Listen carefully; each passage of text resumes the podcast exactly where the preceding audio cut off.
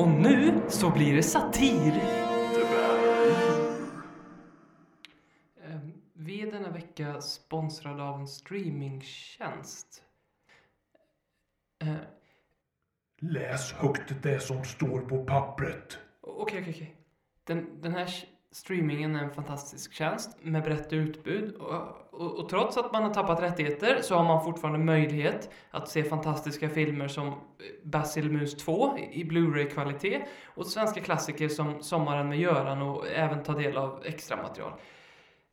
Jag, förlåt, men jag kan, jag kan inte. Säg det nu. Vadå? Säg det. Va? Vad? Säg vad en gång till och jag skjuter dig i skallen. Okej, okej, okej. Säg att det kostar mindre än tre familjepizzor i månaden. Va? Hi, this is Ledley King, and you're listening to the Ledley Kings Need podcast. Podcast. Konsekvent, inkonsekvent Det bästa som någonsin hänt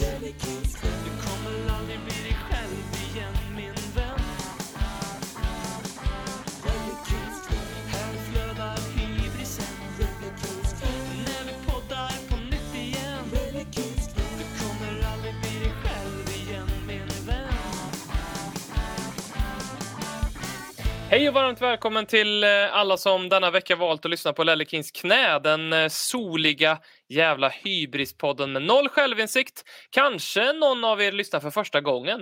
Och kanske några av er är inne på ert nionde år tillsammans med oss. Oavsett vad, kul och tack för att just du lyssnar. Och hör sen, gilla avsnittsinlägget till den här episoden på Facebook, Instagram eller Twitter eller alla tre så är du med i utlottningen av en mugg från vår hemsida. Det här har jag clearat med Robert Folin, vår eh, ekonomiansvarig innan, så att det är helt lugnt.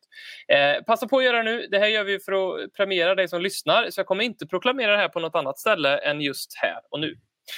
Vi ska prata om eh, Viaplay, North London Derby, krossen mot Crystal Palace och massa annat. Den här podden har mer content än eh, vad en intervju med före detta kungligheter kan bjuda på.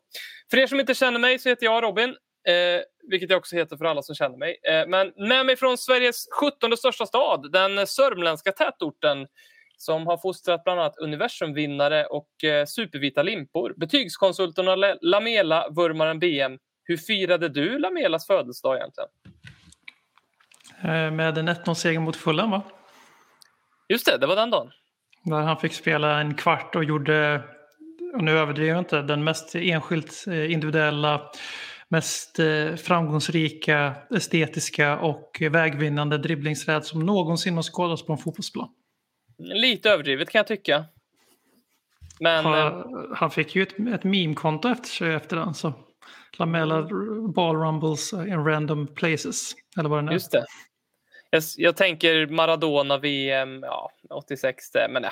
Har du sett pressspelet på 80-talet? Alltså det, Nej. det fanns inget presspel. Ja, Grovt det- det- överskattat mål.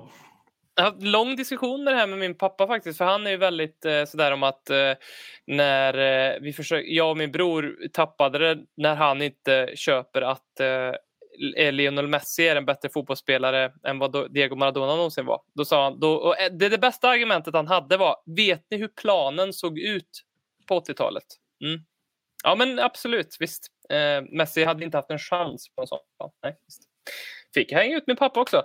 Eh, vi, det är inte bara dig som jag har med mig idag, eh, BM, utan från Sveriges största stad så har jag kvinnan som det sjungs om i The Bands superhit The Wait från 1968. Ingen mindre än säsongskortinnehavaren, groundhoppern, även känd från eh, Big Six Dobb-TV nu också. Hur är läget med dig, Fanny Sharp? Det är bara bra, tack. Kul att vara med här också. Ja. Är det så att du är döpt efter The, The Wait-låten? Eh, nej, det hade ju varit väldigt mycket roligare faktiskt. Vet du vilken låt jag, jag pratar om? ja, men jag vet vilken det är. Eh, Mm. Generellt så är man ju inte... Fanny är ju ett svårt namn att ha i just engelska sammanhang. Eh, framförallt Mm. eh, brittiska men också amerikanska är ju sådär. Liksom. Eh, så att man var ju väldigt nöjd när det ändå var med i ett lite seriöst sammanhang. Det finns någon gammal Mm. Jane Austen-bok också som har en Fanny i sig. Så att man försöker gärna lyfta den typen av sammanhang jämfört med det som annars gärna kommer på tal. Liksom. Just det. Och sen är det väl, jag älskar den här låten, jag ty, ty, ty, typ den bästa låten någonsin. Eh, och eh, det finns en debatt om det är Fanny eller Annie de faktiskt sjunger i refrängen. Men vi får väl gå, vi får är i team Fanny. Men det är ju de två namnen jag kör med då i England när jag är där. Det är lättare Fanny att or presentera sig, Annie, ja, men det är lättare att presentera sig som Annie generellt. Liksom. Så att, eh, såklart. Mm. såklart. Eh, vi, jag måste bara börja. Du är ju säsongskortsinnehavare på Tottenham Hotspur Stadium. mm, Alltså nu när, när, nu när nu än det kommer, men när du får uppleva Premier League igen på ett böljande eh, Tottenham Hotspur Stadium och allt vad det innebär. Eh, hur tror du att det kommer vara då, helt ärligt? Eh, man, är ju, man är inte så taggad på att komma dit med hela VAR-grejen. Eh, jag tror att det kommer vara just det här när det blir. Man har ju blivit så avtrubbad här under den här hemmasäsongen. Eh, dels för att man ofta sitter själv och kollar matcherna så det blir inte samma typ av firande riktigt. Men också att ja, bara Kane-målet igår där med sån passning. Man är, man är lite van vid att inte få fira heller och att det ska väntas in lite grann. Så att den tror jag kommer vara en skillnad. Eh, men annars så känns det ju som att folk kommer vara övertända på att vara tillbaka. Eh, man kommer ju dricka mer bärs än någonsin antagligen innan match. Eh, ja, men det, vilken bärs då? eh, vad är det den heter den som görs eh, Prips, på... Prips, Prips. Prips, kom ihåg, kom ihåg att nämna Prips nu. Men, men det är svårt att få tag på Prips på arenan. Vilken är den mest, eh, eh, britt, vilken är den mest pripsiga brittiska ölen egentligen? Prips Export. De dricker ju väldigt mycket, de dricker ju inte så mycket inhemsk öl, britterna. De, dricker ju, de gillar ju liksom Heineken, Stella, Carlsberg. Alltså de, Fosters tänkte jag på, men den är ju inte brittisk heller. Alltså. Men Fosters Carling, mm. Ja, det är väl någon av dem. Men annars är det liksom mycket, skulle inte förvåna mig om, de, om det finns någon liten vurm för Prips också. Borde ju. Men, men mycket, mycket bärs, ja. Nej, men det känns ju, alltså, det pratar man väl om i flera sammanhang, men just att när folk väl släpps ut igen lite grann, att det kommer bli lite som 20-talet var, att man bara tokfirar och kör på. Liksom. Så att, eh, det finns väl risk att det finns något sånt, någon sån effekt i, eh, i fotbollssammanhang också. Ett kosläpp. Mm. Har du, finns det någon... Eh, jag har tänkt på det här liksom i många avseenden. Så här, finns det någon så här rädsla för ett antiklimax? Nej, men det tror jag inte. Jag tror att folk liksom ändå hittar tillbaka. Det var ju en vardag förut, så det ska man kunna hitta tillbaka till. Liksom. Mm. Så det tror jag. Men det är var, eh, vardelen är jag orolig för. Det är ju intressant, alltså det där du säger med att fira mål. Jag vet inte, hur, firar, ni, firar ni när vi gör mål? Inte Överhu, överhuvudtaget? speciellt alltså. Nu för tiden? Ja. Nej, alltså det har blivit... Eh, eh, nu ska inte jag sitta här och låtsas att jag åker på 15 matcher om året i, direkt, men eh, VAR har ju till stor del dödat det där, absolut, eftersom att det har förstört och i några få undantagsfall även skapat magiska ögonblick. Då tänker jag på City 4-3, där de gör 4-4, eller 5-3 menar jag att de gör. Eh, Och det visar sig att de är sen låtsas offside på Agüero tack vare Eriksens eh, felpassning eller vad det var. Eh, och då sitter man ju där i mörkret och sen så räddar VARen. Då får man ju, men då är det ju mer så här eufori som man inte egentligen kontrollerar. Men nu till exempel när vi gör eh, 3-1 i- mot Palace, Kanes drömmål, då, då händer det någonting. Man bara uff, uff, och det är ungefär så det låter. Bara, uff, jävlar! Som att man är så här 70 år och åker berg och dalbana. Eh, no offense alla 70-åringar, jag har inte så många i min umgängeskrets så ni kanske inte låter Tror du att de ens gör något ljud, 70-åringen, när de åker där? Tror du inte de bara sitter och gapar bara? Det här är typ ljudet de gör. Jävlar! Eh, nej, men så det har ju försvunnit. Det senaste firandet jag kommer ihåg från tv-soffan det är eh, Amsterdam 3-2. Ja, Men då, då var det ju liksom inte, då, då var det ju 15 varv i lägenheten och skrik, skrikgråt och knytnävar i mattor och arga grannar och framförallt en riktigt förbannad sambo som hade gått och lagt sig och gett upp när det stod 2-0. Eh, Så att man annars blir så det var på det, och så man kan inte ta någonting för givet som igår när de försöker ta bort vårt väldigt vackra 4-1 mål, Lamelas mål. Eh, men sen också det här man har sett varenda fotbollsmatch inom alla kategorier, inte bara Tottenham. För jag åker ju en del i, på svensk fotboll. Eh, och liksom man har inte sett en live fotbollsmatch av betydelse på två år snart. Så det blir ju liksom... Eh, och nu överdrev jag typ exakt ett år. Men, så det har ju blivit lite det här liksom att det är inte samma grej längre. Det är en tv-serie. Ja, men jag tänker mycket på sist jag var där. Det var ju då vi sågs Fanny med Aston Villa. Vi vann med 3-1.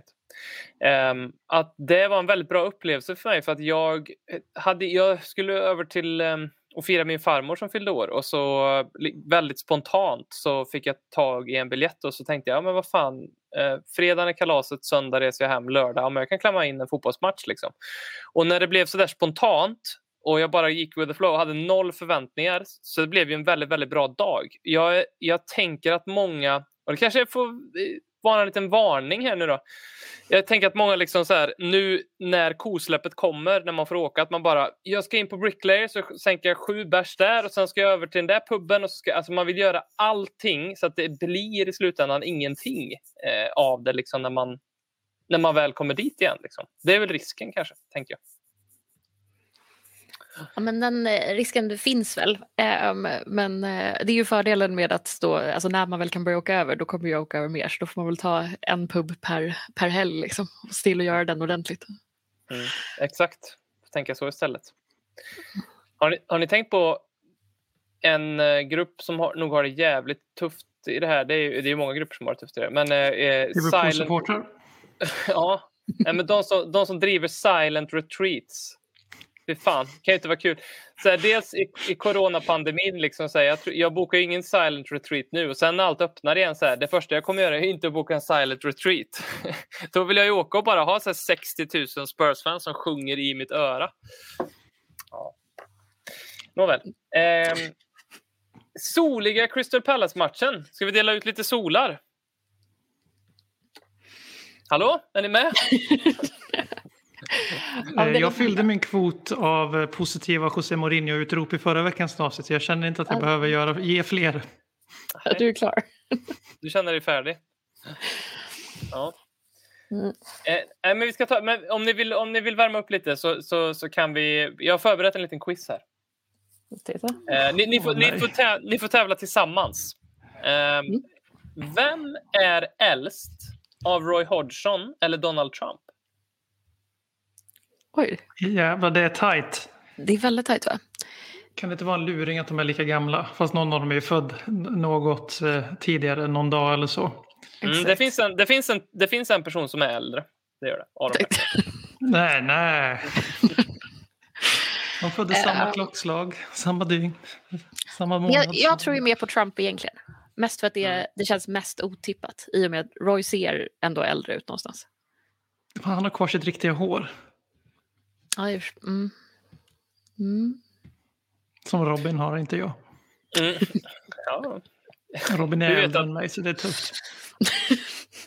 Folin är också äldre än mig. Jocke med. Och, och Per också. Och även eh, Håkman. Och alla har bättre hår än mig. Och bättre skägg. Förutom Robin. man, man kan bli president ändå. Exakt. Eh, men vi, vi går med Trump. Jag tror också att det, det kommer vara tajt dock. 73 Mm. och 74 eller 72 och 73 tror jag de är. Exakt.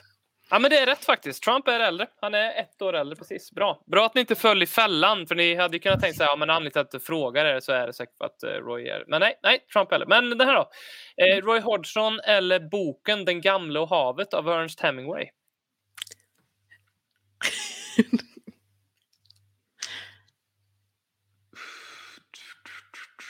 Se, han skrev sin short story Hills Like White Elephants 1929 tror jag. Och då hade han ju skrivit ett tag. Och om han är... Hur gammal var Roy Hodgson för det här sa du? 73 va? Så- Ja, 73.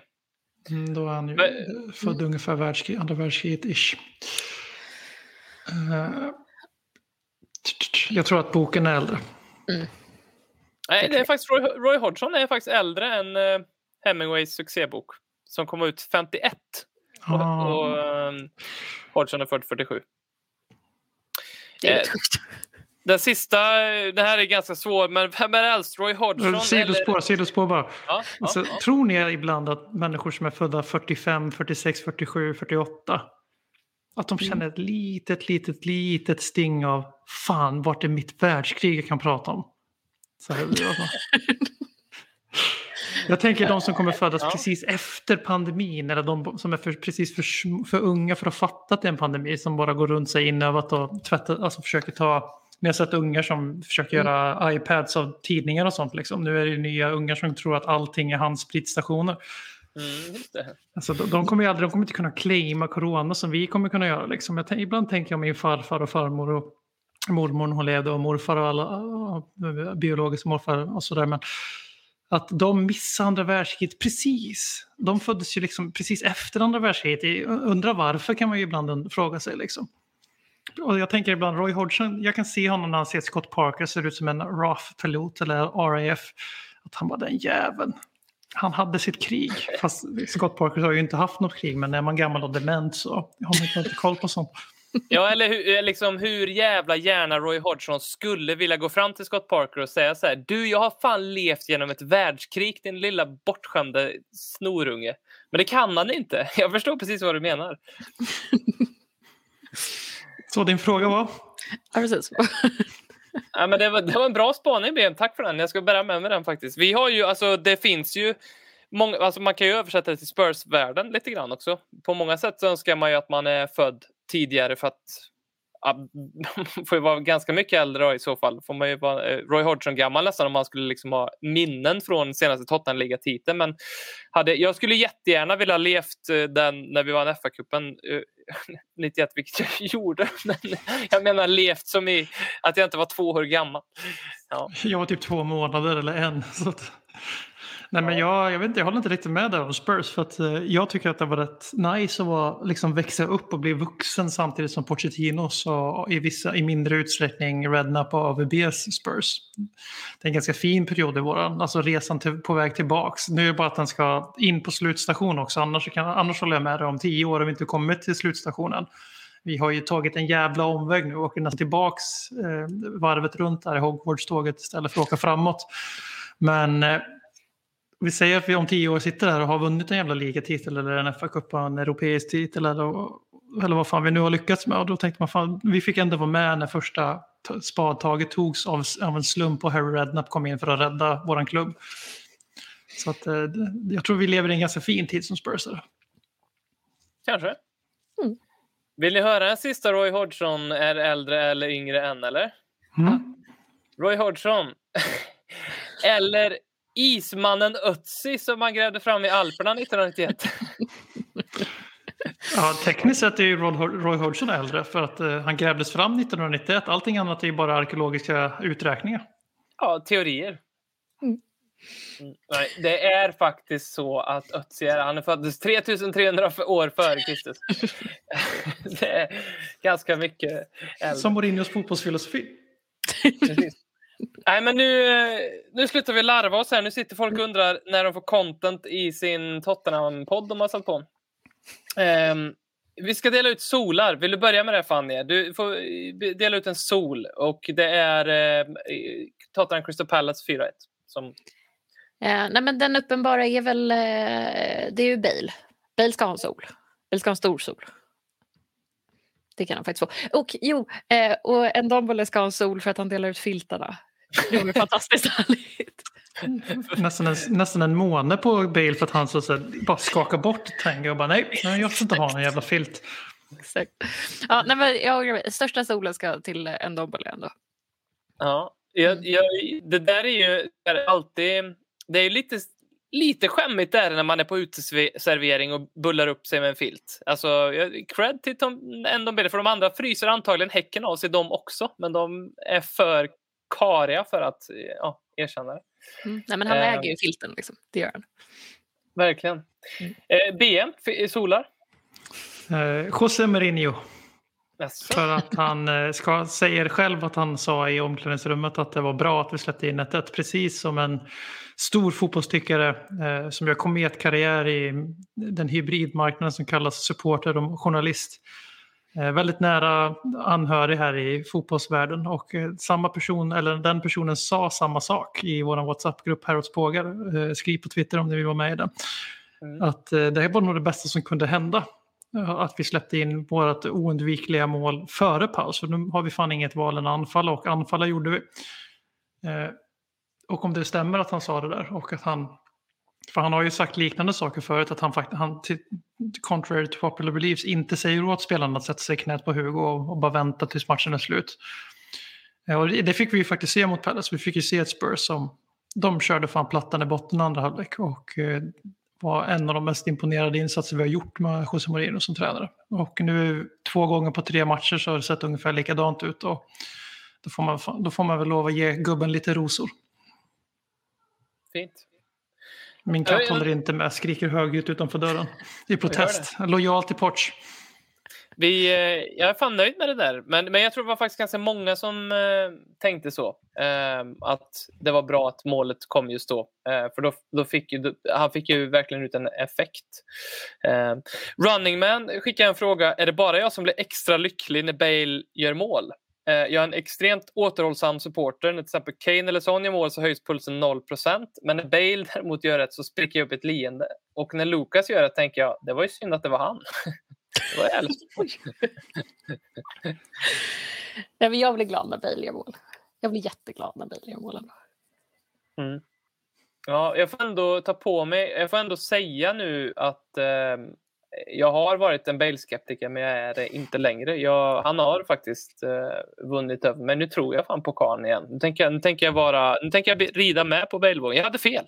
Det kan man ha. Jag tänker, jag tänker försvara mig själv mot Bale-vurmarna där ute som attackerar mig på Twitter och WhatsApp. Att jag är Bale-kritiker. Jag bara, hallå, har ni lyssnat? Det är Robin, Robin, Robin. Jag eh, sa bara förra veckan när vi skulle ta ut säsongens sämsta elva att för att han har gjort lite mer än vad är det nu, nio poäng på sex matcherna senast han spelat. Eh, så vill man väl se att det här liksom är lite permanent och att det återskapas så att det inte bara var en sista dödsryck. Och nu håller vi alla tummar och tår för att det här är Gareth Bale 2021. För om det här är Gareth Bale 2021 så är han ju med i diskussionen om att vara truppens fjärde bästa spelare. Eller femte kanske, sjätte till och med. Jag vet inte. Mm.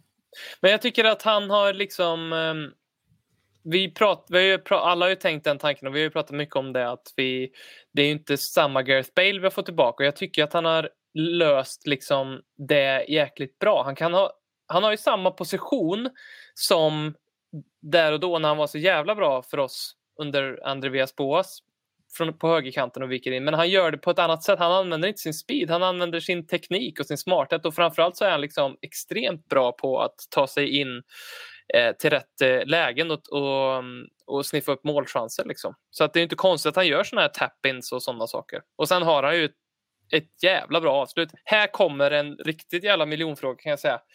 Eh, grattis Fanny, du får svara på den. Anton undrar vems fot som är bäst, Kanes höger eller Bales vänster? Oh, den är inte helt lätt alltså. Nej. Ehm, men... ehm, nej, men det får väl vara Kane ändå, eller? Är det det? Jag vet inte riktigt. Men, men just nu känns Kane som det rimliga. Mest för att man... Eh, alltså, jag blir ju väldigt glad när Bale gör bra grejer och att det ser bättre ut igen och sådär. Men det är ju ändå så att, alltså lite som Björn var inne på också, det har ju inte varit speciellt länge den här perioden. Liksom. Eh, och det är ju några år här som har varit, ja, man har inte sett jättemycket av honom. Och då, blir ju, då känns ju Kane mer consistent. Eh, och därför tror jag att det får bli Kane då. Vem, när det, när det blir en frispark precis utanför målområdet, vem vill du helst ska ta den? Harry Kane eller Gareth Bale? Erik Lamela. Jo, jo. Nu var ju inte han på plan VM. Jag minns en Ehm, hockeyassist. Mm. Eh, nej men då, ja i och för sig. Då kanske man vill ha Bale ändå. Och så vill man hellre att Kane springer in och tar någon form av retur om det inte går hela vägen. Liksom. Man Ja. tänker så här, eh, som jag ser på Bale och Kane är ju att eh, Gareth Bale på sin toppen av sin förmåga hade en, en alltså spetsegenskaper som Harry Kane inte ens nosar på. Eh, alltså i alla fall så flashiga spetsegenskaper som sticker ut som vem som helst kan upptäcka. Man behöver inte vara så här hobby, hobbyjournalist eller tryhard låtsasanalytiker och man kan vara en helt vanlig normal människa som bara tycker fotboll är underhållande, liksom inte behöva vara någon så här tryhard-nisse. Så, så kunde man se Gareth Bale. Harry Kane är ju en målskytt och det är ju en ganska viktig spetsegenskap i fotboll att göra må- mycket mål. Eh, men Gareth Bale hade ju speeden och explosiviteten, de här liksom sanslösa världsklassmålen som, inte, som på expected goals är 0,05 när man skjuter. det, det har ju aldrig varit Kane riktigt. Däremot så skulle jag hävda bestämt att Harry Kane är en mer komplett fotbollsspelare än Gareth Bale någonsin har varit. Och är en bättre fotbollsspelare än vad Gareth Bale eh, har varit om man ser till helhet. Sen tycker jag fortfarande, och nu kommer jag straffa Tottenham lite för att de är Tottenham, det som Arsenal-supportrar gör på Twitter mycket. Är att eh, vi, har sett, vi har sett Gareth Bale göra det här på de absolut största av scener. Vi har faktiskt inte sett Harry Kane. Han har alltid lyckats vara skadad tyvärr när vi har varit verkligen högst upp och svingat i den gången vi var det. Eh, Men Harry Kane så bra som han är 2021 och faktiskt har varit sen Mourinho kom in när han tog nästa steg i sin utveckling när många trodde att nu kanske det är kört för honom när han har tappat den där lilla, lilla gnuttan explosivitet som han hade kvar. Att nu, nu kommer inte det räcka längre. Då har vi istället fått se eh, Harry Kane blivit liksom ännu bättre, ännu mer komplett. Och, och eh, det finns ju idioter där ute som säger att han inte är världsklass. Eh, de, de förstår inte fotboll. De, de bedömer individuella prestationer efter lagprestationer. Eh, så långt vågar jag sträcka mig att om man inte ser Harry Kane som absolut sämst trea av nior i världen så då vet jag inte vad man tittar på. För man kan inte säga att Tottenham är skit och en småklubb samtidigt som Harry Kane gör att Tottenham liksom ses som en världsklubb. Det, det går liksom inte ihop. Och det jag gillat av Bale de senaste veckorna är att jag tycker att han påminner mer om Harry Kane nu än en svag kopia av Gareth Bale. Helt plötsligt ser vi honom visa att jo, han var fan med en världsklasspelare. För världsklasspelare när de tappar speeden, när de tappar sina så här, fysiska förmågor som man blir, växer ifrån så att säga. De som försvinner då, de var aldrig världsklass. Men de som hittar nya sätt att vara dominanta på planen eh, och som på riktigt, jag tycker han påminner lite om en Harry Kane-kopia nu. Han sjunker jävligt djupt, han slår helt fantastiska krossar till andra sidan plan. Han breddar spel och så har han kvar sitt avslut och han har kvar sin jävla killer instinct som, vi, som det är väldigt få spelare i vårt lag som har. Och fortsätter det så här då, alltså det, då är liksom the sky's the limit för våran offensiv. Och det är otroligt kul att se just Gareth Bale visa, även mig inkluderad, liksom att nej, jag kanske inte är Gareth Bale 2012, även om ingen trodde det, men jag är fortfarande en jävligt, jävligt duktig fotbollsspelare och det är vackert att se honom få täppa trutar på människor som försöker skriva ner hans karriär. Som mig. Nej, men nu tänkte jag mer på Graham Sones som sitter i Sky och typ hatar på Bale för att han har, tog så lång tid för honom att bli i fysisk toppform efter att inte fått spela fotboll på två år. Mm. Absurt. Vem, vem är äldst av Graham Souness och eh, den här eh, ismannen Ötzi som man grävde fram eh, tidigt 90-tal? Nej, Keane, nej, Roy Keane. nog fan är man sugen på att eh, mygga av Harry Kane på frispark i alla fall. Det måste jag ändå. Jag tycker att han har slagit sin sista frispark på ett tag, helt ärligt. Jag är faktiskt förvånad att inte Bale går fram och Du lillkillen, du såg upp till mig. Jag har två Champions League-finals, avgörande mål, tre Champions League-titlar eller sju eller vad fan hur många nu har. Höjberg hade ju inte heller koll på det såg jag. Men eh, då tänker jag så här. Han borde väl ha pondus, någon, alltså ingen annan har det, det har jag förstått, ingen annan förutom Lamela när han är på plan, har ju pondus säga åt Kane liksom att det här är min boll. Men Bale låter ju också Kane stå frisparken. Man bara skämtar. Va? Så, så, när har Kane någonsin på... Nej, jag- ska sluta. Han är, han är fantastisk. Han är världsklass. Nya Beckham. Det sista jag tycker vi måste beröra om den här matchen är ju det här eh, som eh, ju faktiskt av alla människor min bror gjorde mig uppmärksam på, Arsenal-supporter som han är, att eh, Tycker han att Harry Kane är världsklass? alltså han är ju... eh, nej, jag tror han aldrig skulle kunna drista sig med att säga ta orden i mun. Ehm, jag tror inte det. Och sen så tror jag att det har blivit, som, som för många Arsenal-fans, att de har intalat sig den lögnen så länge så de tycker verkligen inte det längre. Eh, så tror jag. Ja, Killen tror jag. har gjort 28 poäng i Premier League i ett dassigt lag som ligger sexa. Ja, ja, du behöver inte övertyga mig, det är min bror. Jag tänker de kanske lyssnar. Ja, ja, kanske. Nej, men eh, han gjorde mig uppmärksam på att Tottenham eh, bjöd in sin dejt, tände ljusen, sprayade på sig parfymen, satte på lite Marvin Gaye, knäppte upp en knapp på skjortan. Sen när dejten kommer så häller man upp en Sofiero.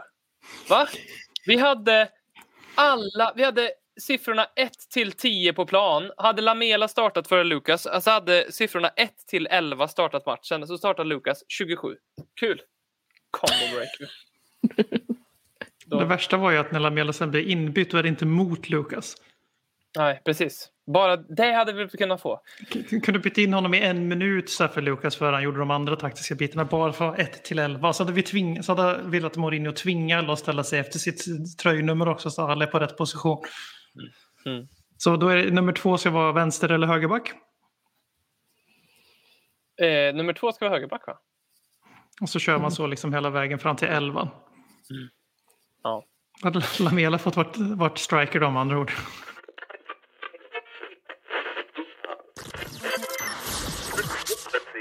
Du lyssnar på Ledley Kings knä. Du kommer aldrig bli dig själv igen. Hur skulle ni prioritera EL-matchen och eh, North London Derby här? Det är en fråga från Anton. Här. Ska vi våga rotera i Europa League eller är det bättre att köra starkast möjliga elva? Och Vad, vad tänker ni? Jag tror ju Zagreb kan bli lite svårt. Alltså. Ehm, det kan vara ja, men lite, lite tufft att spräcka. Så att, eh, det känns som att det kan bli ett väldigt jobbigt läge om vi roterar för mycket på torsdag.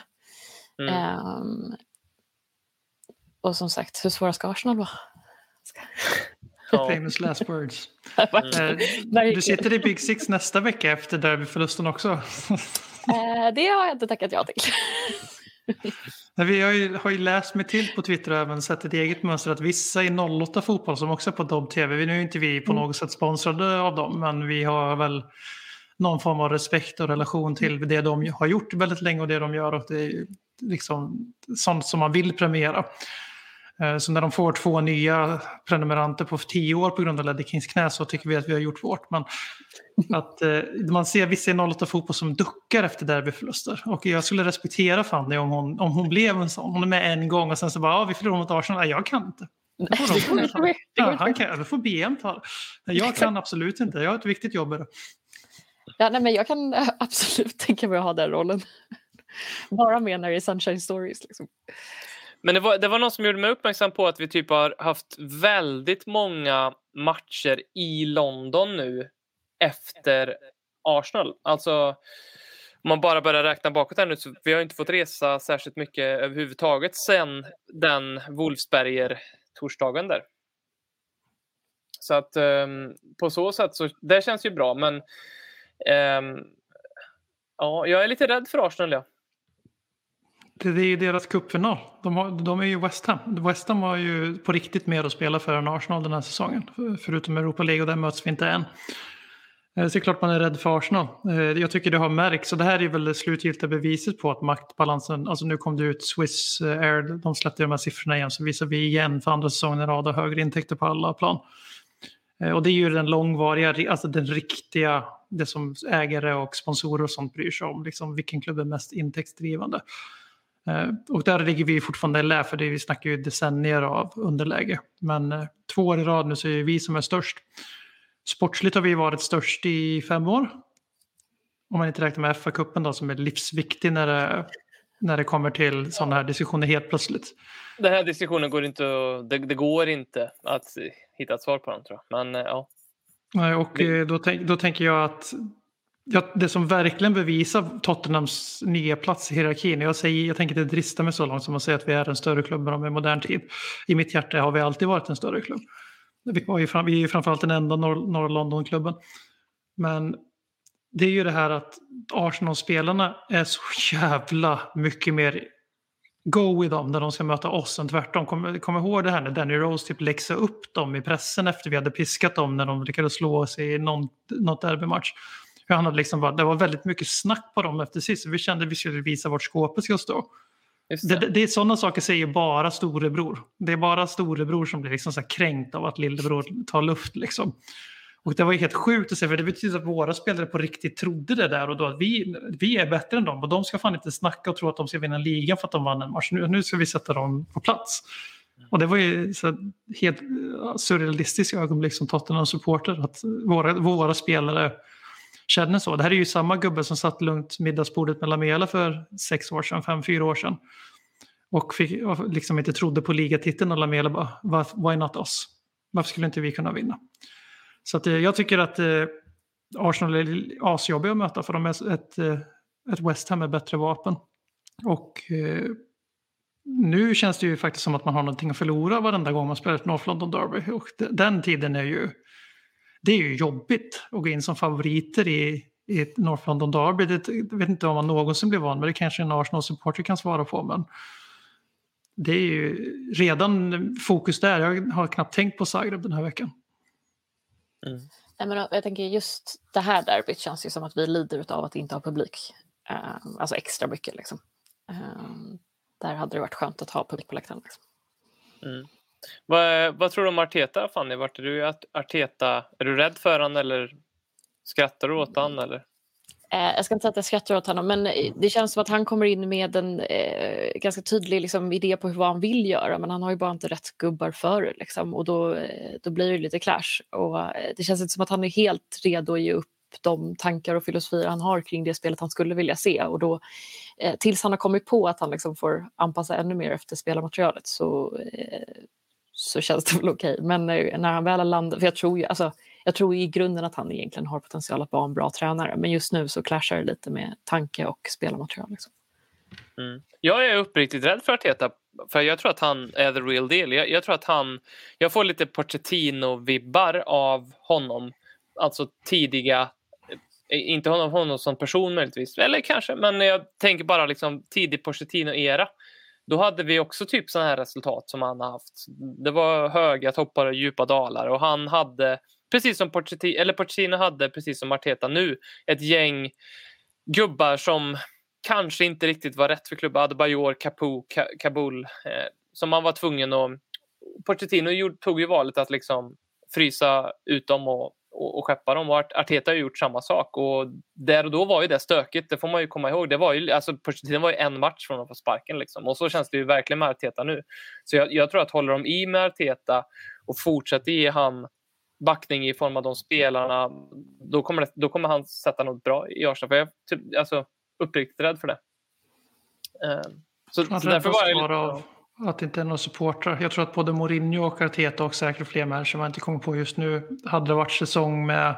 i- Alltså Mourinho hade aldrig överlevt de där månaderna mellan november och eh, för en vecka sedan drygt. Om det hade varit Alltså det finns inte en chans. Eh, det är lättare att dräng, dränka ner Twitterbrus än arenan. Samma sak med Arteta. Där tror, alltså det, jag tycker det uppman, liksom känns aldrig som att det på riktigt blåser storm där. Det här är ändå ett Arsenal som nu slutade de väl åtta förra året i och för sig, men de vann ju FA-cupen och är därmed en titan. Eh, nu ligger de tia, eh, kommer få svårt att sluta bättre än åtta med tanke på lagen som, jag tror det är Liverpool som ligger åtta just nu. Eh, och jag menar, det går ju inte att säga någonting annat än att det är Arsenals sämsta, jag kan, inte komma, jag kan personligen inte komma ihåg när Arsenal var ens i närheten av så här dåliga två säsonger i rad. Eh, Så kanske någon gång på efter George Graham där eller runt där i den trasken.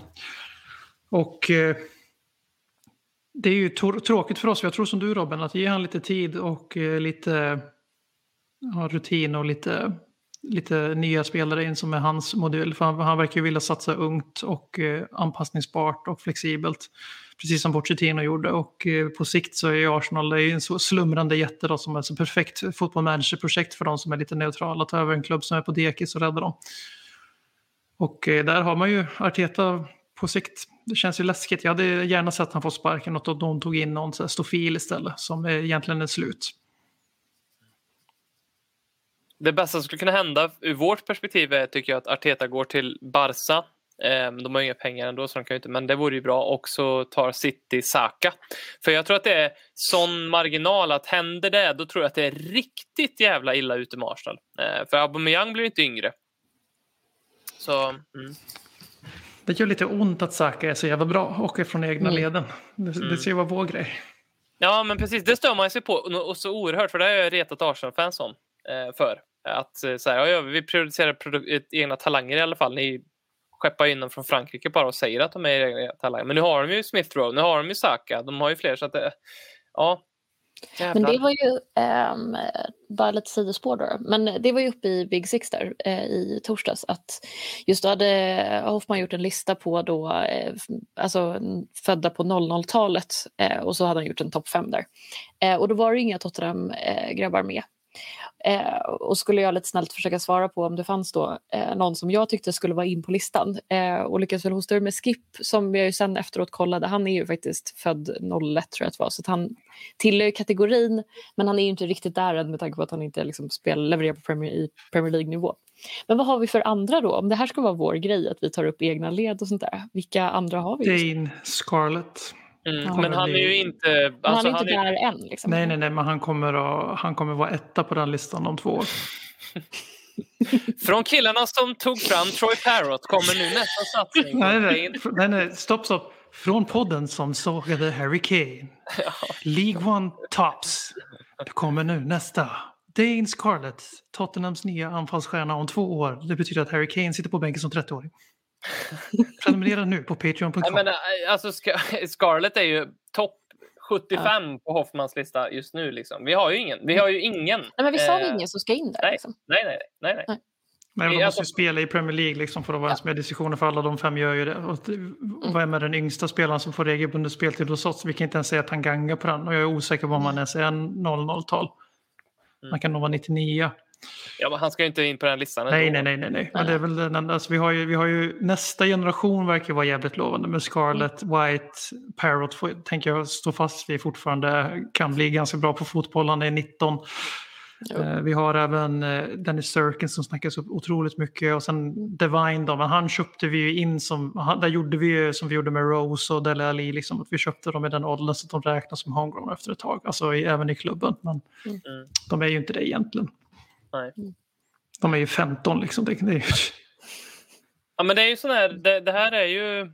Det här tycker jag är trist på riktigt att Arsenal faktiskt är bättre på oss än... än för det är ju typ det enda de är bättre på oss eh, just nu. Eh, Just och nu, precis. just vinna titlar kanske för de fipplade till sig FA-cupen. Men eh, ja. Mm. Vi, ska, vi ska prata mer... När vi vinner eh, ligacupen, då jävlar, då har de inget. Då ska de få höra. Eh, vi ska prata mer North London Derby alldeles strax, men först ska vi göra ett eh, kort litet avbrott för att ehm, eh, prata om Viaplay som vi måste nämna.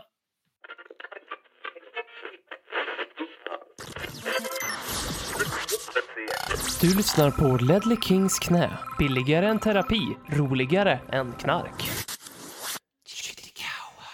Eh, ni som minns beefen med Viaplay sist som var eh, 2016-2017 säsongen så var ju den för att eh, det var ju lite kul för att vi, upp, vi hade en känsla att eh, Manchester United blev utvalda till lördagsmatchen gång på gång på gång på gång på gång. Och så visade det sig också att det stämde över hela säsongen. Så visades United väldigt mycket oftare än några andra matcher. Och det var ju väldigt mycket på grund av Sla- att Zlatan spelade där.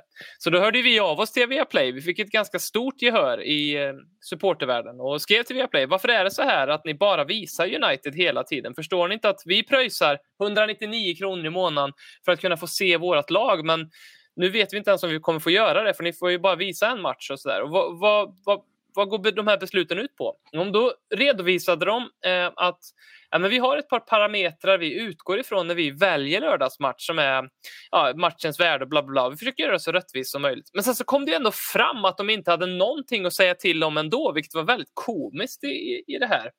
Ehm, och Det andra drevet vi fick igång då, 800 personer svarade i en undersökning vi hade. 90% svarade ja på frågan, skulle ni önska att eh, Viaplay hade en pay per view-tjänst? Vilket ju hade varit superbra eftersom att det ser ut som det gör. att Men pröjsa ett par hundra i månaden för att kanske få se sitt lag är ju inte speciellt värdigt. Så då har de inte riktigt greppat det som är att vara fotbollssupporter och följa ett lag på distans. Nu har vi ett nytt drev. Åh, så jag älskar det att vi har det. Det är väldigt härligt att vi har ett drev. Ehm, jag är ju faktiskt inte en av de drabbade kunderna för jag är ju, har ju faktiskt hoppat av Viaplay sedan en tid tillbaka. Fick jag sagt det också. Men eh, BM, du är en drabbad kund. Hur känns det? Ja, det är för jävligt. Eh, man trodde att pandemin inte kunde bli värre. Liksom. Alltså, döda släktingar, döda bekanta, dör människor i flockar. Och så. Nej, jag ska sluta nu före, blir, någon blir kränkt. Nej, men alltså det är ju, det är ju Viaplay i ett nötskal. Eh, lång historia, relativt kort. Det är inte min styrka, men vi försöker. 2012-ish, eh, ungefär samma veva som Ledley Kings knä började bli ett embryo. Så lanserade, eller som jag förstod det lanserade Viaplay, de har tydligen funnits längre än så. Så, så det finns ännu äldre betakunder som har varit med sedan 2010, eller det äldsta jag har sett, som har haft den här tjänsten. Då. Eh, de lanserar sig själva i alla fall. Stor satsning på Premier League-rättigheterna och allt det där. Förut hade man ju bara kunnat se allt sånt här via kabel, tror jag det heter, eller såna boxar. Jag är inte så insatt på det för jag är så ung så jag har aldrig behövt använda sånt. Och förr i tiden så kostade det ett, över en tusenlapp i månaden att se på all fotboll via sån. Och du vet du vad, det gör du nu också om du, för nu behöver du ha tre olika streamingtjänster för att kunna se all fotboll. Eh, Viaplay kommer då ut. Jag och många med mig, förlåt, väldigt få kunder går då med och blir betatestade för dem för ett pris för 149 kronor i månaden. Eh, och det är nice, för det här var före de började begränsa och restrikt- restrikera allting, vad, vem som kan se vad, hur många matcher som får visas i Sverige och så bla bla. Som Bet och Sky håller på med nu, att man bara en match som får sändas per avsparkstid. Eh, och sen så växer ju Viaplay, de köper bara in allting som finns i, i hela världen i, utan att förstå det. Bara för att ni har kvantitet betyder det inte att det är kvalitet för era tittare. Det betyder, bara för att ni köper in varenda jävla fotbollsliga som finns så betyder det inte att jag kollar på allt det här. Dåligt exempel, men jag kan ta Robin som exempel som förmodligen aldrig slog på en Bundesliga-match eller en Serie A eller La Liga-match, de korta perioder de hade det. Eh, och då försöker de ju höja priset så de lanserar någonting som heter Viaplay någonting annat. Eh, och höjer med markant, jag tror det är uppe i 400-träsket redan här 2016-ish. Eh, Jag och alla andra har åkt på en prishöjning som är på 50 kronor till 199. Eh, Och sen blir det ett jävla liv för att de, de, har, de har varit så jävla pantade så de har skrivit i sitt avtal med alla de här kunderna att det- priset gäller tills vidare så länge man inte säger upp sitt abonnemang.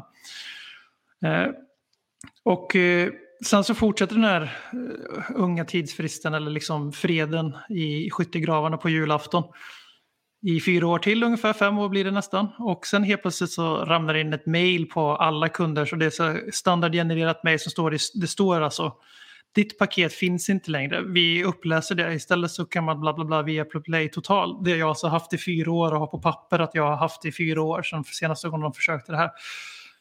Eh, Och det finns inte längre och därför så kommer ditt konto att eh, upphöra att existera i juli 2021. Tack! Eh, Inget erbjudande om att man ska fortsätta vara kund, ingen länk ens hur man tecknar ett nytt abonnemang, utan det är ju verkligen så här bara, ni sitter och mjölkar oss på pengar för ni får så mycket fotboll för de här pengarna så ni ser bara bort. Vi tänker inte ens hänvisa er till någonting annat. Eh, trots då att det står på papper i allas avtal, i alla mejl som har skickats ut till alla som är kunder hos Viaplay att ditt pris är skyddat från prishöjningar så länge du behåller det här abonnemanget. Eh, och så kan man lägga två sidor på det här. Ett, ja, jag fattar själv att, att det är problematiskt att det finns kunder som betalar 449 för samma tjänst. De har ju blivit blåsta de människorna allihopa. Eh, Viaplay är ju usla på kundbemötande och är, favoriserar enormt vissa klubbar Eh, och kan inte alls visa de grejerna som de skryter mest med. Alltså det är Premier League som är något att ha hos dem. Allting annat är styrmoderligt behandlat. De har inte ens studio för fan på de andra ligorna. De, hade i början av corona, ni kommer ihåg Bundesliga-hetsen för ett år sedan ungefär. Eh, I två veckor var det det, sen kom Premier League igång. Då dumpar de Bundesliga ungefär som de dumpar oss nu. Eh, majoriteten av deras matcher som inte är Premier League kommenteras inte på svenska. Gör inte mig jättemycket för jag tycker de är rätt usla deras kommentatorer. De vrålar mest. Men bara, en så, bara en sån sak liksom. Eh, sen har de också NHL som är, om man vill följa den ligan som spelar mitt i nätterna, som ganska många svenskar inte kan göra på grund av att vi har en annan klocka här. Så är det ganska nice att kunna kolla på matcher i efterhand. Men när man är så NHL-skadad då hittar man ju andra lösningar. Så det kvarstår liksom ett luftslott med tomma skal till rättigheter som de skryter med och liksom försöker motivera en 250% i prishöjning för deras äldsta mest lojala kunder som de har lovat och har ett avtal med som, inte gäll, som de bryter mot. Eh, för att de har så jävla bra tjänst. Och det är på riktigt vad de säger till alla. Alltså, ni har det, vår tjänst är så mycket bättre nu så det är helt orimligt att du betalar så här lite. De Ja, går ut i Expressen för damage control den kanske du var med på. Det vet du vad som hände där Robin, vad deras damage control var. citatet var att det är inte är rättvist mot alla andra eh, som får betala. Och det, och det är ett jättekonstigt citat eh, från eh, Roberta Just Nu ska vi inte hänga ut henne såklart, för det är ju inte det är ju bolaget vi har. Men det är kul att hon för övrigt är eh, tillsammans med Fredrik Reinfeldt. Eh, för det är, det är lite värmande att, att tänka nu att eh, eh, Fredrik eh, är trött på att höra om det där jävla Ledley Kings knä som Roberta har så mycket. Det tycker jag är lite kul faktiskt i Ja, det här. Eh, Jag tror inte vi resonerar på deras eh, radar, men Nej, nej men, jo, det, jo, det gör vi. Åh, så Roberta har kommit hem från jobbet. Fredrik, Fredrik, hjälp mig med den här jävla tuppfågeln på Twitter som håller på. Nej, men eh, hon uttalar sig att hon... Eh, och, och, vi ska inte hänga ut henne, absolut inte. Det är inte syftet med detta. Utan det är ju hennes jobb är att skriva det här uttalandet. Det är inte hon som har tagit beslutet. Men eh, det man blir lite så här. Det där är ju samma logik som att om du och jag Robin ska gå och köpa bil i Våxnäs. eh, Det är, ligger i Karlstad. Ja, och så går du in och köper en eh, Volvo V70 för 50 000. Jag kan ingenting om bilar. Så det här är säkert en jävligt pimpad Volvo V70 för att de är, jag tror att de är gamla, jag kommer inte ihåg. Sen kliver jag in fem minuter senare eh, och köper exakt samma, eller inte exakt samma, men en likadan bil producerad samma år, pimpad på samma sätt, samma dekaler, samma, samma högtalarsystem och får betala 90 000. Att det då är orättvist för mig. Att jag har slutit ett separat avtal där jag vet vad priset är för att Robin fick en annan deal. Alltså det funkar inte så. Det är, så, det är sånt jävla skitsnack. Och att när vi lever i, nu kommer jag bli lite seriösare, allt andra var raljant, men när vi lever i en tid som liksom kännetecknas av vi och dem och präglar människor är polariserade, människor har ingen nyans. Eh, människor kan inte diskutera saker om de tycker olika. Om man röstar på olika partier så kan man inte prata politik med varandra. Så undrar vi varför den håller på att dö, politiken, eller demokratin. Eh, att då på, alltså, utåt verkligen försöka ställa kunder emot varandra så att de som betalar 449 ska vända sig emot 199 kunderna. Alltså det är ju vidrigt. Alltså det är alltså, det, om inte det avslöjar allting om det här företaget så då kommer vi aldrig kunna övertala folk till varför man ska sprida all dynga ni får, alla sådana här upprop på Twitter nu. Sprid, sprid, sprid. Eh, kontakta reklamationsnämnd, kontakta ombudsmannen för eh, konsum- konsumenträtt. Hör av alltså regna in mejl till kundservice. Alltså, sådana här saker får inte ske. Det är en förlängning av fotbollsdemokrati det här att vi, fotbolls, vi råkar heja på ett lag i England som inte har någon föreningsdemokrati. Men det är, så, det är så här man gör med fotbollen just nu. Att man driver upp tv-priser och gör allt möjligt och sen så begränsar man det och allt håller på. Liksom, och, och de som blir lidande är supportrarna i slutändan. Eh, det, är, det, är liksom, det är vår sport det här, det är dags att ta tillbaka den och Viaplay är ett bra första offer. Det som jag har svårt att förstå själv i min mycket begränsade förståelse av deras eh, sätt att resonera kring sina affärer, vilket de ju såklart eh, har all rätt att ta de besluten de vill i, på, ur det perspektivet. Men de har sagt själva att det är en ganska liten grupp användare som det här berör. Och vi säger att det är 200 pers. Eh, det kan vara det. Det kanske är fler. Jag, jag vet inte, men det skulle kunna vara det. Eh, det är 40 000 kronor i månaden eh, med gamla prissättningen. Eh, om vi säger då att 100, eh, alla de här får det här mejlet och hälften känner äh, men okej då, jag hoppar upp på 449 kronor i månaden istället. Jag tecknar det, jag tar den smällen. Då tjänar de 45 000 kronor på dem. Så då har de liksom gått plus 5 000 spänn i månaden, tappat 100 tittare eller ja, eh, användare och fått det här stora liksom, missnöjet mot sig. Det är så svårt att förstå bara eh, hur de kan resonera. Det är jättesvårt för mig att förstå. Eh, och jag, jag tror liksom inte att det kan, de är ju börsnoterade så jag tror inte det kan vara så många. För hade det varit 2000 användare då hade det liksom börjat vara uppemot miljoner kronor. Och det tror jag inte man liksom vill redovisa från en eh, publicering på börsen till en annan. Liksom, att nu har vi tappat 4,5 miljoner för att vi tyckte så här och så här. Det, det, det går ju inte liksom. Så att det, det måste ju vara en ganska liten grupp faktiskt. Eh, och ja, jättesvårt att förstå. Så kan man ju vrida på det ett varv till också. De snackar om att deras tjänster blivit så jävla mycket bättre. Jag håller ju inte med, men det behöver vi inte ta igen. Men, eh, för de fyller ju på med en massa film och serier som alla som är där för stryktipset liksom skiter ju totalt i. Det har man andra streamingtjänster för. Och det är ju inte Viaplays fel att eh, andra streamingtjänster ploppar upp. Till, man behöver ha fem olika. Det är ju tillbaka till det här med boxer. Du behöver ju ha det dyraste paketet för att kunna se allting. Och det förstod vi. Alltså streamingbubblan skulle spricka till slut. Att man skulle kunna klara sig på Spotify via Play och ha allt. Eller Netflix och, via- och Spotify. Förutom sport. Alltså det fattar man att det var bara, vi levde i några fantastiska år före de handikapptekniken. Men om man ska ställa lite fakta på borden här så är Viaplay har ju inte ensamrätt på alla fotbollsmästerskap. Viaplay har inte alla stora ligor. Simor som inte egentligen heter Simor men folk förstår. De är toksatsar ju på fotbollen. De har köpt Champions League. De har seriala ligor med seriösa fotbollsmagasin med våran vän Gusten i varje söndag som är liksom klasser bättre än vad Viaplay någonsin hostar ur sig. Så deras konkurrenter blir starkare och starkare, mer och mer rättigheter och bättre och bättre produktioner. De tapp, och de tappar sin personal som har liksom gjort Viaplay till vad de är, till rivaler. Och så försöker de säga till sina kunder, de här 200 personer som vi säger att det är, att nej men vi är så jävla bra nu så ni förtjänar inte det här priset längre. Utan kom tillbaks och gör det helt självständigt och eh, vi tänker inte ens bjuda in er. Det är liksom, hur, hur ont hade det gjort för dem att säga vi ber om ursäkt för det här. Men vi måste göra så här för att. Eh, fortsätt gärna vara kund hos oss i det här standardgenererade mejlet som alla fått. Precis som alla svar alla får också är liksom copy-paste. Och bara sagt så här, här har du, klicka på den här länken så får du ett Viaplay Total, eh, en fotbollssäsong för rabatterat pris. Sen efter det kommer du att betala samma pris som Viaplay Total kostar om du inte säger. Det, alltså det kostar dem absolut ingenting och bara den lilla, lilla så här, du, ni får ett halvår till med 100 kronor rabatt varav två månader av dem är sommarmånader när det inte är någon fotboll eller hockey.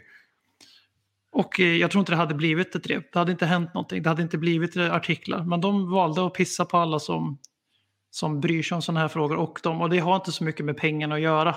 Det kan man vara ärlig och säga. Det är bara att man, alltså, vad säger det om Viaplay? Och säger om deras självbild? De har ju för fan en värre självbild än vad vi har som podd. Då är det illa. Mer hybris än Ledley Kings knä. Jag tänkte precis på det. Vi kanske borde höra av oss till alla som har lyssnat de här nio åren och börja kräva att vi faktiskt får lite pengar eftersom att vi inte har fått betalt för den här nio åren. Och nu känner vi att den här podden har blivit så pass mycket bättre så att nu vill vi faktiskt ha betalt. Uh, så. Kan vi, ska, Men vi lägga, ska, vi, ska vi låta stormen gå ut några veckor så lägger vi upp en sån tweet och så ser vi hur många som snappar upp. Det gör vi. Nu skiter vi i det här med Viaplay, så jävla trött på det här. Så pratar vi NLD istället. Vi är denna vecka sponsrade av... Nej, de, de har avslutat det. Jaha, är avtalet avslutat? Ja. Men får de göra så? Nej. Okej. Mm. Vi är denna vecka s- inte sponsrade av något. Jag har bett er att eh, ta ut eh, en match, en NLD, som ni minns eller som ni inte minns, men bara som en höjdpunkt som vi kan prata lite grann om. Vilken har du valt, Fanny? Eh, nej, men jag har valt eh, den från 14 april 1991. Inte så att jag då minns den eh, själv. Men, eh, Hur gammal var du själv då? Eh, jag var väl eh, nio månader. 12 dagar. Ja, men, titta. Mm. Men pappa sa att vi hade den på VHS så att jag har väl säkert sett den tidigt ändå någonstans där. Jävla vackert att ha en fotbollsmatch på VHS alltså. Mm. Vad, vad kan du berätta om den här matchen då? Eh, nej men, eh, anledningen till att jag valde den till att börja med var ju, jag har två tavlor ovanför soffan hemma. Eh, som båda är, det är prints på, den ena är då på Gascoigne och den andra på Danny Rose. Och det är från, och så bakom dem då så står det ett quote från vad kommentatorerna sa när de då gjorde mål mot Arsenal eh, i North London Derbys. Då, och eh, den 14 april är båda gjorda men olika årtal. Eh, Vadå, så- vänta, lite, vänta lite nu. Så Danny Rose, när är målet på Almunia, det var 14 april också? det var också, ja, det var också 14 april. Jag visste inte det. Fint. Nej. Mm. Eh, nej men så att, eh, det blev ju ganska lätt att ta en av de matcherna eftersom de hänger uppe hemma. Liksom. Eh, och det är ju just eh, det är i FA-cupen. Eh, och det är den matchen eh, som vi vinner med 3-1 för att eh, ta oss eh, till eh, finalen som vi sen vinner mot eh, Nottingham Forest. Ehm, så det, alltså, eh, som sagt, jag var inte där och såg det eller har sett såg det live då. Liksom. Men eh, så här i efterhand så just det målet som Gascoigne gör är ju, dels är det ju, den har ju fått ganska mycket uppmärksamhet i att den kommentatorn just eh, det han skrek ut, liksom, det har ju blivit ganska känt och det målet är ju briljant. Liksom. Eh, och sen så är det Lineker som gör de andra två målen för Tottenham i den matchen. Så att eh, de highlightsen, eh, de funkar fortfarande. Har du kvar VHS eller? Eh, jag tror inte att vi har det alltså. Eh, däremot så var jag hemma och letade. Jag hittade Idan Spurs DVD istället med eh, Wigan 9-1 matchen. Apropå sådana. Så den har jag kvar. Det är egentligen sånt vi inte borde nämna högt. Att, att, men grattis alla rivaliserande fans som lyssnar på det. Det finns en DVD på den matchen. Ja, det gör det. Vi gjorde en DVD. Absolut. Ja. Ja. Mm, så den matchen eh, vill jag ändå lyfta. Mm. Mm. Fint. Vad, vad tänker du när du hör den matchen, B? Eh, Jag låg där i, förmodligen hade precis kommit hem från BB. Jag låg där kittad till, från tänder till tår.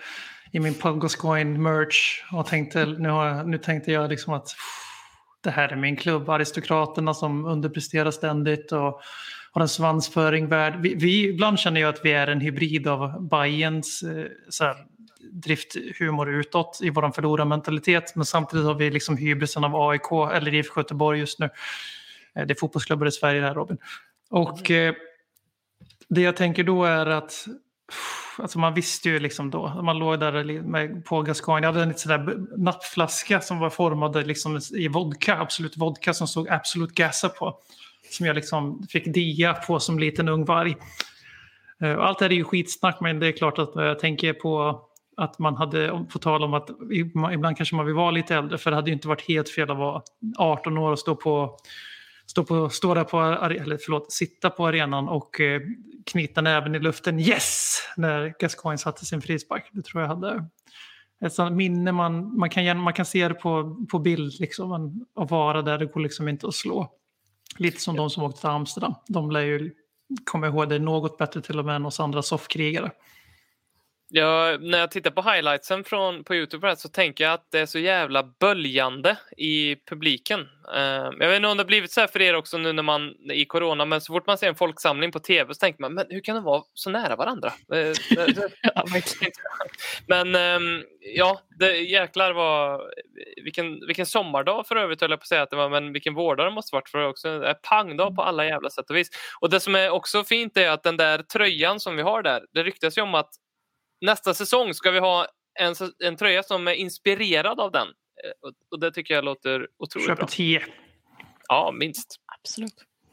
Eh, Jag har valt um, 5-1 på White Hart Lane 2008 när vi eh, gick, eh, det var ju också i en cupsemifinal eh, mot, eh, mot Arsenal. Eh, och framförallt för att den för mig, eh, det här var ju liksom peak mitt supporterskap lite grann på många sätt. För det var här jag liksom verkligen upptäckte och började identifiera mig med Tottenham under åren, slutet 90-tal och liksom jag har fortfarande jättestarkt band till Tottenham men det var ju de här åren jag ofta går tillbaka till i minnet. Martin Joll-åren och så här. Nu var det ju Juan de Ramos som var, var tränare eh, när, vi, när vi vann här då.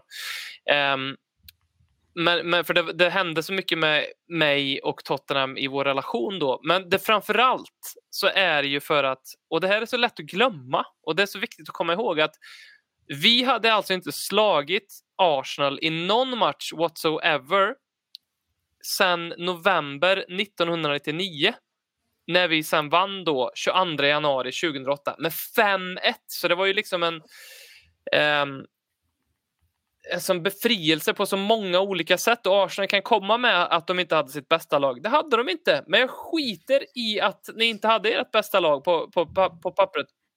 För det är så jävla dumt att inte ställa upp med bästa laget i ett NLD för att det, det, det är ingen som bryr sig. Det handlar bara om att vinna och som vi vann med 5-1 eh, mot Arsenal med ett totalt jävla uruselt lag och hur fan vi kunde vinna finalen sen mot Chelsea är ju... Va, vad kallade du ett lag som hade Robbie Keane? Ja, Robbie Keane och, och Tom Huddlestone? Michael Dawson? Ledley King? Timo fucking Tainio? ja, Timo broder? Ja, vi hade Pascal Chimbonda, vi hade Radek Czerny i mål, M- Steve Malbranc. Eh, nej, Kevin Prince Boateng kom in. Eh, Klasspelare. Absolut. nej, nej, nej. Det hade ju kunnat bli så mycket mer mål också. Det minns jag från den. Eh, alltså jag, minns, jag minns det här som eh, jag antagligen upplevde Amsterdam. För jag, jag kan inte minnas mina känslor i detalj för det är så pass länge sedan. Men jag, vad fan är det som händer? Hur kan vi vinna med 5-1 mot Arsenal? Den känslan minns jag liksom. Och jag, jag var så upprymd över det här i så många dagar. Och det kunde blivit så mycket mer. För Berbatov sköt i stolpen. Gines var Gines som alltid var i ett North London Derby. Eh, Malbranc gjorde mål. Ja, ja, det är fantastiskt. Och Bentner gjorde självmål, bara en sån sak. Det är ju alltså, underbart att vi liksom också... Ja, nej, jag vet inte. Var, hur minns ni den här matchen? Något särskilt? Ja, men lite samma för mig, för det var precis då som jag också började liksom, följa Tottenham ännu lite mer och började åka på matcher. Det var lite i den vevan. Liksom. Eh, så att jag minns ju matchen väldigt väl. Åt, eh, men jag tror inte att jag riktigt fattade storheten för snäppet efter. Man har ju liksom, ja, men Arsenal, det var ju ingen match som vi annars vann, men eh, jag tror att man mer i efterhand har fattat hur stort det ändå var. Liksom. Mm. Man hade ju en så här oskyldig tid som supporter före man liksom fattade och hade, eller före man hade förväntningar. Eh, Mm. Det finns, jag har sagt det där många gånger i, nu vänder jag mig bort från micken, det vet jag att Per inte uppskattar när jag fortsätter prata samtidigt så därför fortsätter jag.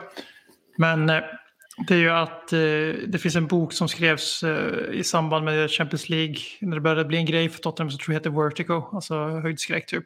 Eller yrsel eller hur man, nu, hur man nu definierar det.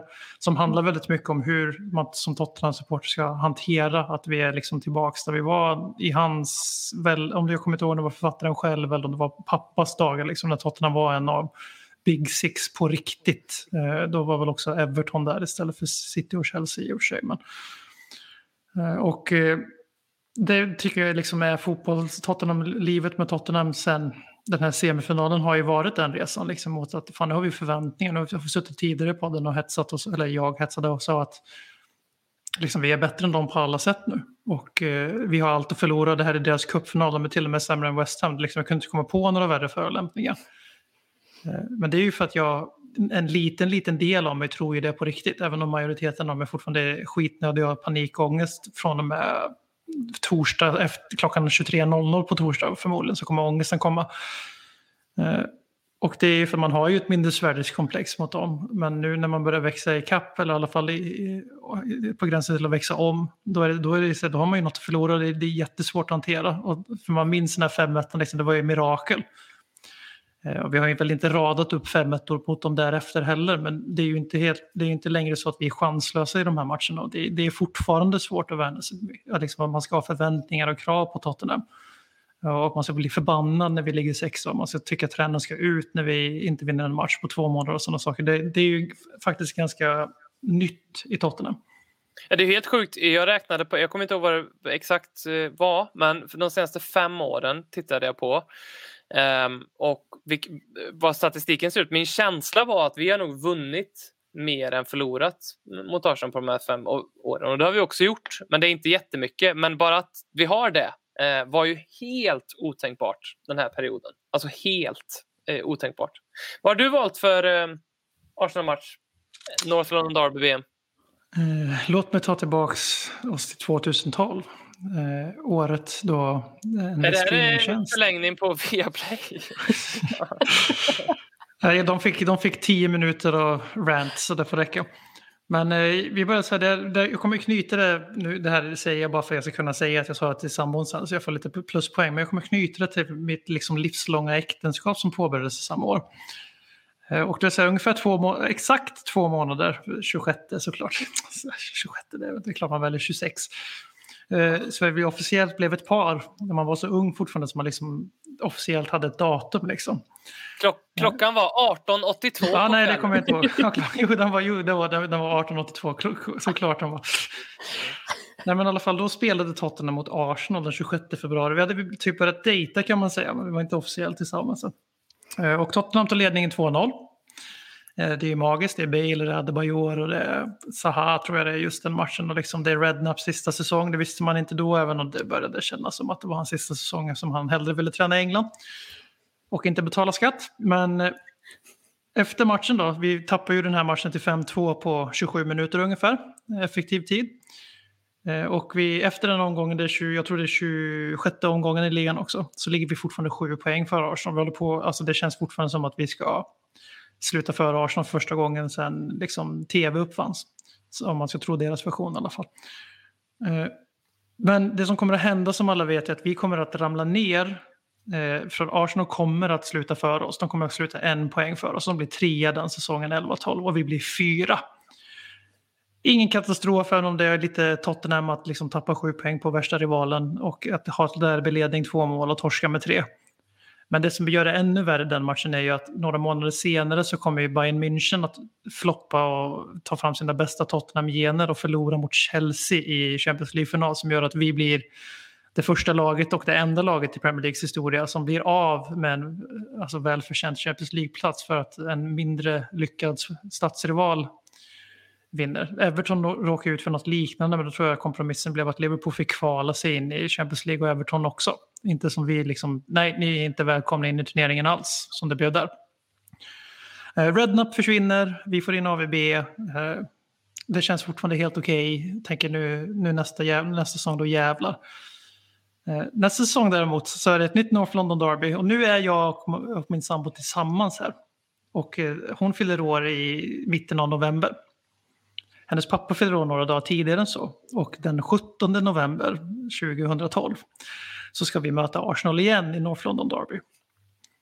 Eh, igen tar Tottenham ledningen. Eh, Adebayor ånyo är den som står för målfirandet. Adebayor var inte klar den dagen dock, utan han bestämmer sig för att han ska ta ett rött kort mot sina gamla kompisar.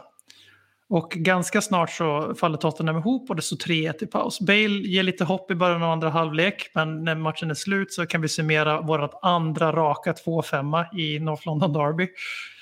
Eh, och jag eh, är väl inte min lyckligaste själv och eh, vill inte komma på det här släktkalaset för min svärfar och min livspartner som vi skulle fira den helgen där.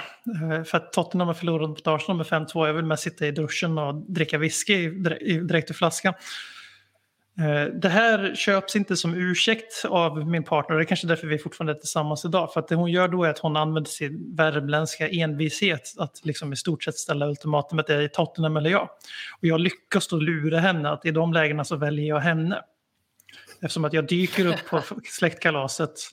Jag dyker upp där i Tottenham-matchtröja. Jag dyker upp, dyker upp i Tottenham-polo. Jag är inte helt nykter. Jag är mörkare än vad, än vad Stefan Löfven är när han måste göra liveintervjuer på SVT. Och eh, sitter där och liksom, jag lyckas bluffa mig igenom kvällen och nu åtta år senare ska vi gifta oss och eh, alla andra grejer som företäller. Så att, det, är ändå, det är en fin match i mitt kollektiva minne som jag aldrig kommer komma ifrån. Jag kommer alltid ha det liksom att tänka tillbaka på att fan, jag lyckades lura henne till och med när vi förlorade 5-2 mot Arsenal i North London Derby. Jag, jag, tror att det här kan vara något. Vi kommer alltid ha 5-2an. Och så PS, vi slutade femma den säsongen, en poäng efter Arsenal. Så och sen sålde vi Gareth Bale, AVB fick sparken och jag bara... Så.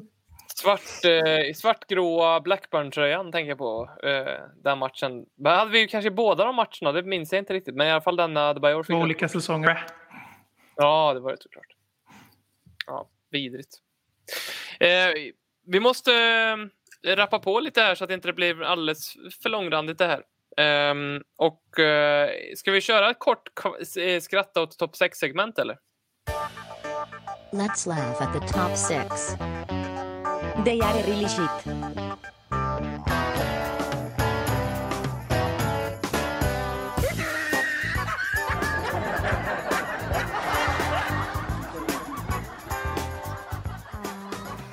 Räknas Liverpool? Jag tyckte det kändes elakt.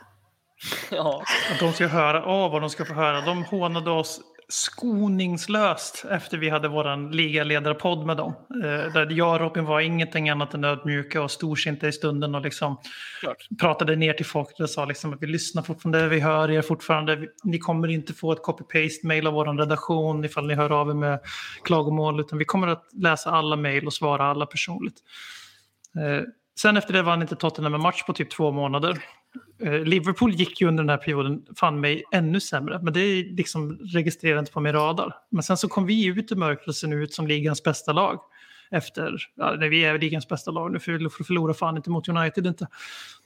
Eh, samtidigt som Liverpool har förlorat sex raka matcher på Anfield. Det enda ja, det laget som inte lyckas vinna där är ta med fan Tottenham. Grattis Liverpool. Helt sjukt är det. Vad har du Fanny? Um, jag var lite inne på, eh, det var ju, eh, Bruno Fernandes gick ut där och skulle liksom tysta kritiken om att eh, han inte gjorde mål mot storlagen. Uh, och sen så, och att, för han hade fått lite skit för att den enda, det enda målet han har gjort det var ju mot oss i och så var det på straff. Liksom. Uh, och då gjorde han ju mål där på straff. Eh, och då tyckte Manchester Uniteds Twitterkonto där, eller om det var Instagram, men då gick ju de ut med att nu, nu har han tystat alla som tvivlade på honom. Och så var det just att han gjorde mål på straff igen. Liksom. Det blev liksom inte mer än så. Ja. Fan, det är Åtta mål tror jag han har gjort på straff. Mm. Ja, det är nästan pinsamt. Ja, men det blev Eh, liksom jag- ett statement. Det blev liksom sådär. Det föll lite. Det jag skulle vilja skratta åt är alltså hur jävla ofattbart eh, dålig Gabriel Jesus är. Eh, att, att City kan leda ligan med en sån dålig anfallare, har det hänt någonsin förut? Alltså, det är ju helt sjukt vad han är ovass. Alltså, tänk, vad, vad hade, hur hade de... Det kanske är någon jävla magisk ingrediens i allt det där som gör att de andra blir bra. Att hade de haft Harry Kane istället för Gabriel Jesus så hade de sett helt mycket sämre ut. Jag, jag vet inte, men det är fan ofattbart. Um, så jag, jag, jag måste, och det var ju så tydligt mot, mot eh, United också, för såklart när laget blev sämre då blir det ju ännu mer uppenbart att så här, varje gång han kom till något läge som han ju ändå gör då och då, då sumpar han ju givetvis det. Eh, och gjorde, gjorde bara piss av det. Så att, eh, de skulle jag vilja eh, pissa på. Eh, Jag skulle också vilja skratta åt alla IFK Göteborg-supportrar som eh, reser till Landvetter för att säga hej till Marek Hamsik. Jag älskar att han har kommit till Allsvenskan, det gör jag verkligen. Men eh, det är ju också en pandemi. Ehm, så är det med det. Så du Några tänker att snabba- efter det här avsnittet ska vi inte ha några som tycker om Viaplay som lyssnar på oss längre. Vi ska inte ha några som hejar på IFK Göteborg som lyssnar på oss längre. Vi ska inte ha några City, Liverpool eller Arsenal-supportrar som lyssnar på oss längre. Ja, det är bra. Det blir... Då når vi Nej, ut till våra ju- åtta litsar ändå. Ni tar ju Men vi gör ändå betalt. Nej, precis. Så att jag menar, what's... vi, vi, är, vi är som en gratis pappersmugg på McDonalds. Det är liksom, vi, är, vi kommer alltid vara här. Det kommer inte bli Är det av som med oss. U2-albumet som när man köpte sin nya iPhone så hade man ett album där på? Är det, är det Ledder Kings knä? Skitalbumet. Fy fan. Alltså, ja, YouTube måste ju stämt röven ur Apple för det där. För till en början måste de ha tänkt så här, det här är det bästa som har hänt. Och sen så, alla hatar ju det här albumet. Det är det värsta Mm. albumet någonsin. Ja, kul var det. Eh, några avslutande lyssnarfrågor. Rasmus Larsson har skrivit en fråga till podden som han också svarat på på ett sånt bra sätt. Jag vet inte om vi kommer kunna på, komma på ett bättre svar än om alla spelare är en maträtt, vem är vad? Min sambo och jag kom fram till att det är kokt kolja och potatis utan sås. Jättebra tycker jag. Alltså, det är det enda jag kommer tänka på när jag ser dockan nu, att han är kokt kolja och potatis. Utan sås. Utan Utan sås. sås. Ja. Eller har ni något bättre? Nej, alltså det... det... Den den är briljant. Alltså. Men Det är du var inne på svårt något, eh, vi pratade om den här innan vi började spela in. Du var inne på något med Brasilien och Lucas Moura i och för sig, Fanny. Ja, men det är ju någonting med... För det, ja, men Lucas Moura, han är ju lätt att göra lite karaktär på. Och så tänkte jag just på, för jag var nere i Brasilien över VM. Och då var det, det var så himla udda liksom, när man beställde mat. Att det, man tänker ju att man beställer en vanlig rätt. Liksom. Då är det oftast en kolhydratsgrej och så är det någon proteingrej och så kanske någon sallad. Liksom. I Brasilien fick man liksom, det var en köttbit och så var det potatis, det var bönor i någon hög, det var ris i någon hög. Man får liksom väldigt mycket av allt men inget hänger ihop riktigt. Mm. Vilket stämmer in på Lucas Moura väldigt bra. Så. Jag tycker att den godaste rätten man typ kan äta är eh, en vårdag ute, krispig luft, sol och man grillar korv ute och äter med senap, ketchup och mycket rostad lök. Så det får vara Per Emil Höjbjer. Tycker jag. Mm. Eh, Sen kan vi upplysa Joakim Sterner som frågar om hur lite Lukas Mora väger. Eh, han springer snabbt, man ramlar typ alltid. Ja, men han väger 0,07 ton faktiskt. Eh, alltså 72 kilo. Så är det. Ehm, vem i laget är slarvigast undrar Malm, både på och utanför planen? Ni får inte säga Serge Aurier. Exakt. Eh, Utanför planen är det ju Serge. Han bröt mot coronarestriktionerna fyra eller fem gånger. Eh, Vi har ju ganska, alltså det vi hör och det vi snappar upp är ju väldigt lite om Tottenham-spelare som liksom slarvar på fritiden. Eh, Det värsta vi har att haka upp oss på är att Dele Alli spelar för mycket Fortnite. Liksom. Det är våran stora så här, nej, sluta. Ja, sen Nej. gjorde han ju den här Snapchat... ehm, Ja, jo, jo det, det stämmer. Incidenten där han blev avstängd för rasism. två, eh, två Snapchat-grejer i och för sig. Kan man säga. Så, så nominerar vi Delle då kanske. Mm. Slarvigast på plan. Ja, men han är ju också slarvig på plan lite grann, faktiskt. Men det är ju på ett bra sätt. Han är anfallare så det märks ju inte lika mycket som om eh, Sergio Aurier är eh, slarvig. Att du lyckades dansa undan Eric Dyer eller Harry Winks eller Matt Doherty eller Erik Lamela eller Danny Rose eller Ben Davis eller alla andra syndabockar i vårt lag. Det hedrar dig ändå. Eh, alltså just det här med Eric Dyer måste faktiskt ta tillfället för det är, vi- det är vi faktiskt, det skäms jag över när vi ändå har det här privilegiet, privilegiet som vi har att vi får prata till svenska Tottenham-fans, de åtta som lyssnar eh, vecka ut och in, eh, om, och att vi inte tidigare har varit hårdare mot Eric Dyer. Jag skäms över det, för han är ju, alltså, vi, vi har inte varit där B. Du kan låtsas vara förvånad, men vi har inte varit tillräckligt hårda mot, för han har varit sämst. Jag, jag, jag, jag låtsas inte vara förvånad för att du säger det. Jag låtsas att vara förvånad över att vi ska ta tillfället i akt och så ska vi såga ner en av våra egna. Vad är det för Ja. Mourinho-fasoner? Ja, men han har faktiskt varit dålig alltså. Höj dig Dyer! Jag kommer ihåg Anthony Doherty. Jag kommer ihåg Callum Davenport. Eric Dyer, det är inga fel på honom. Ja. Eh, Dyers vänner! Sista då. Sigge One. När spelarna kommer till arenan lyssnar de på musik. Vad lyssnar de på? Ledley Kings knä. ja. Alltid. Tror, att, tror ni att man bara blir besviken om man får reda på vad de lyssnar på? Absolut. Mm. Typ topp 100 techno, dance, ho- house hall, techno, transmix. Ja. Eh, såg ni den? Eh, jag tror om det är att Pickford fyller år idag eller här i dagarna, men det dök ju upp då eh, någon av de här som man följer på typ Facebook, alltså Sport Bible eller om det var, vem det nu var, liksom, eh, la ju upp då en så här hyllningsvideo för att eh, Pickford har ju sagt någon sån här eh, Let it rave eller Get on the rave, någonting med rave liksom. Eh, så då skulle de hylla honom då på hans födelsedag genom att spela lite rave-musik och visa lite klipp på honom. Och det är, ja, det är inte riktig ravemusik utan det var liksom, nej, det, var- det var så dåligt, man blir så besviken. Så han ha gjort en liksom, image kring det där och det var bara, in, det var bara inte rätt. Liksom. Det var verkligen Sorgligt. inte rätt. Det var Avicii. Mm. Ja men typ. Ja, men det var någon som skulle rappa där till det hela. Det, ja. Eh, av en slump så såg jag i veckan, ehm, jag kollar inte på hockey, men ehm, Washington Capitals, jag, det blev retweetat så jag såg deras lista på vilka låtar som spelas när de olika spelarna gör mål. Och sånt kollar jag på. Det är den typen av hockey jag konsumerar. Där blev jag jävla besviken. Men det fanns ändå några. Eh, om jag minns det rätt så var typ Johnny B. Good med Chuck Berry var med. Men den är också lite för mainstream för att vara cool. Men jag tror typ att eh, Take Me Home, Country Roads var med, vilket känns lite otippat och fint. Så att en NHL-spelare väljer. Men sen var det, det jag är garanterat någon Avicii-låt och Swedish House Mafia. Det är ju kul som svenskt, men typ så här Linkin Park och Eye of the Tiger var garanterat. Man bara, men för fan. Skulle jag bli fotbollsproffs eller hockeyproffs så skulle, det är det här jag skulle lägga tid på. Att välja ut en perfekt låt till, tills eh, när jag är mål. Ehm, på det ämnet... till våra lyssnare att eh, de ska skriva en egen så här, vad är Tottenham-spelarnas mållåt? Ja.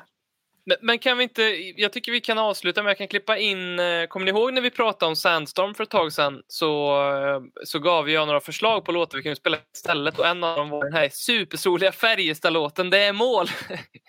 kan vi inte, jag klipper in den här nu i slutet och så kan ni, när ni hör den så kan ni bara tänka på alla mål vi gjorde mot Crystal Palace och alla mål vi gjorde mot Wolfsberger och målet vi gjorde mot Fulham. Och man blir glad.